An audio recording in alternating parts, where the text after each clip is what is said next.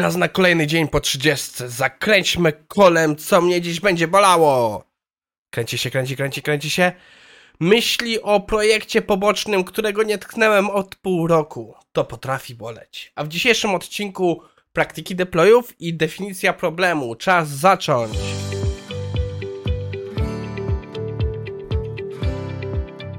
Cześć, nazywam się Maciej Wrodek, a to jest odcinek na 23 2000... 23 stycznia 2023. Jestem po weekendowym szkoleniu ze storytellingu, które trochę mi dało do myślenia o pewnych rzeczach, które robimy tutaj na kanale. Za jakiś czas będziemy mogli mieć zmiany, ale o tym porozmawiamy sobie przy innych okazjach. Na razie zaczynamy od naszego pierwszego materiału, którym jest artykuł poświęcony e, dziewięciu praktykom, które pomogą nam z bezpiecznymi deployami. Pierwsza rzecz, którą chciałem, żebyście zwrócili uwagę, że gościu ma bardzo fajną grafikę w, e, w tle bloga, jako ten banner. Jest tam jego miniaturka, awatarek, który coś sobie klika na klawiaturze i jakiś i leci tekst za nim, w sensie no, ekrany rzekomo. I artykuł jest poświęcony ogólnie tematyce deployów. Pierwsza rzecz, która przyznam się szczerze, nie wiem co o tym myśleć, jest ten disclaimer na temat, że artykuł jest napisany przez człowieka, a nie został wygenerowany przez AI. Nie jestem w stanie powiedzieć, czy to jest dowcip, czy gościu tak serio myśli. Podejrzewam, że jakbym znał większy kontekst jego artykułów i myśli, to byłbym w stanie się na ten temat wypowiedzieć. Na dziś zostawię to po prostu takie nie wiem, jak na ile sobie to yy, traktować, ale może być to widmo rzeczy, które dopiero przyjdą. W każdym razie autor przechodzi przez różne metody, jak możemy sobie zabezpieczyć kod w wypadku deployów. Zaczyna od chyba jednej z najbardziej moim zdaniem skutecznych na takim małopoziomowym e, etapie, a mianowicie Feature Flags. Feature Flags to jest metoda zarządzania e, kodem, gdzie tworzymy sobie flagi, które nam włączają pewne funkcjonalności. Najczęściej jest to używane do właśnie deployów, e, launchów na czarno, jeśli dobrze rozumiem, wiele firm korzysta z Feature Flags także, żeby zarządzać e, w pewnym sensie umiejęt... umiejętnościami, featureami per e, osoba. Czyli na przykład jeśli ja mam tylko to darmowe, to pewien tabela nie będzie zawierała dla mnie włącznych pewnych feature'ów, więc jak będą sprawdzane moje uprawnienia, czy co widzę, do czego mam dostęp, to nie dostanę tam wjazdu. E, feature flagi są bardzo przydatne, wymagają bardzo często zewnętrznych narzędzi do zarządzania nim, że po prostu ustawienia już flag są trzymane w zewnętrznych bazach, zewnętrznej tabeli, czy czasami to są ogromne bazy, bo tak jak mówiłem, per użytkowników. E, ale też mają swoje ograniczenia, bo na przykład feature flag w żadnym wypadku nas nie zabezpieczy, jeśli nasza zmiana dotyka e, kodu, który po prostu inaczej, jeśli Yy, zmiana spowoduje problem, gdzie jest za kodem, który jest za feature flagowany, a czasami potrafi się zdarzyć, mimo że mam feature flagi, to one nam nie pomogą. I kolejna rzecz, potrafią wprowadzać dużo complexity w kod, bo to są niestety ify. A potrafią być jeszcze feature flagi, zależne od feature flagów. Wtedy już w ogóle robi się ciekawie.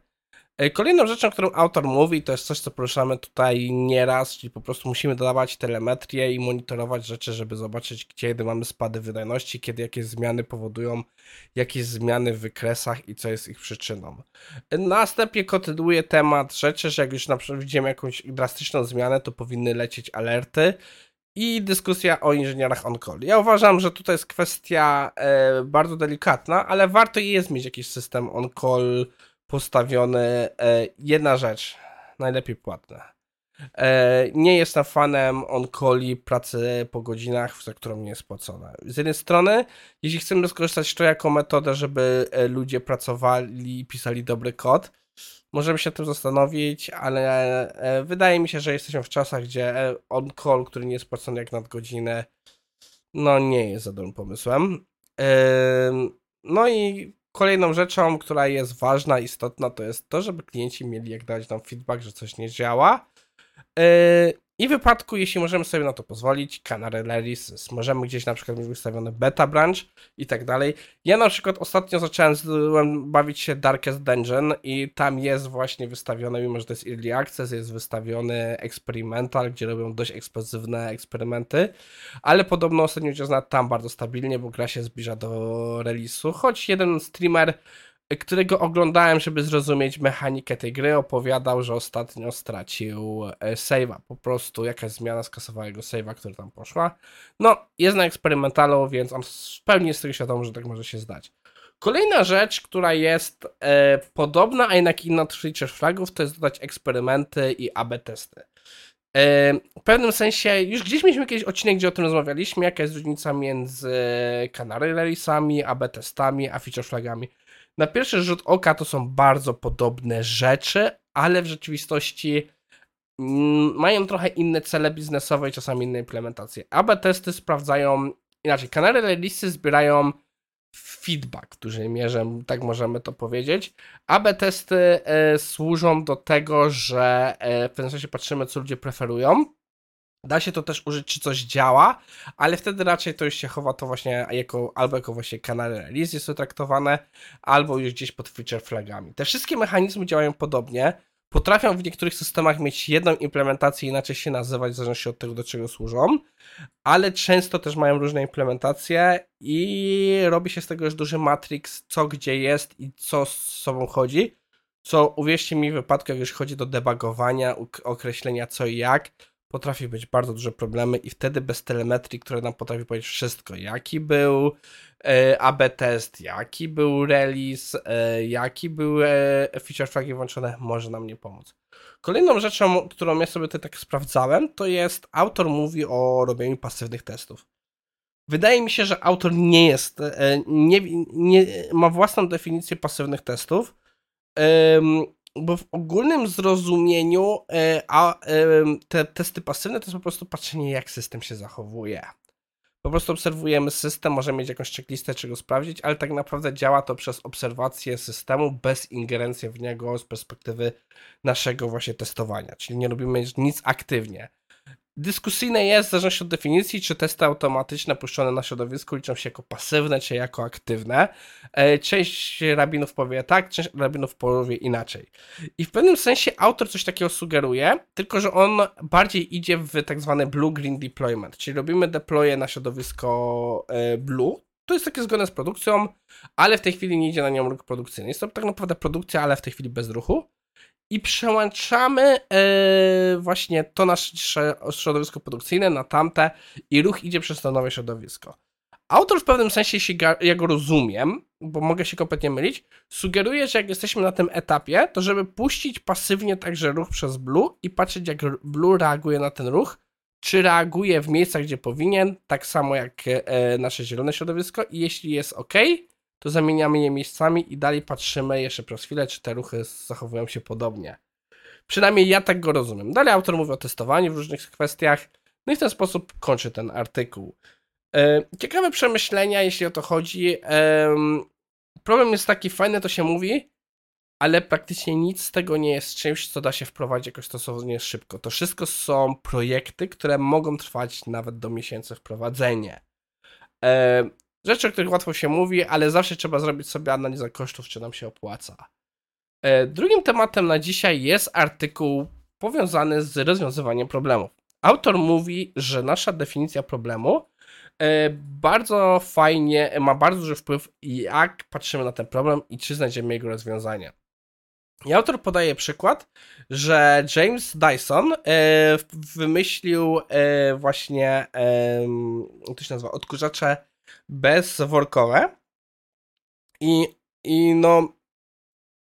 Auto trochę dochodzi w dyskusję, jak to się wydarzyło. Podaje się parę innych przykładów, jak na przykład systemy operacyjne Xeroxa, który tak naprawdę był dużą inspiracją dla MacOSa. W ogóle polecam tą historię, to jest niesamowita historia, jak zrobili e, bardzo dobre oprogramowanie i nie mieli dla niego użytku i po prostu Steve Jobs dosłownie jak je zobaczył, to w momencie, kiedy on chciał kupić to ich oprogramowanie, żeby wykorzystać w Macu, e, nie potrafił zachować poker face'a, żeby negocjować, tylko wprost mówił, kurczę, siedzicie na złocie i wy nawet tego nie widzicie. Polecam historię, ale odchodzimy od tematu.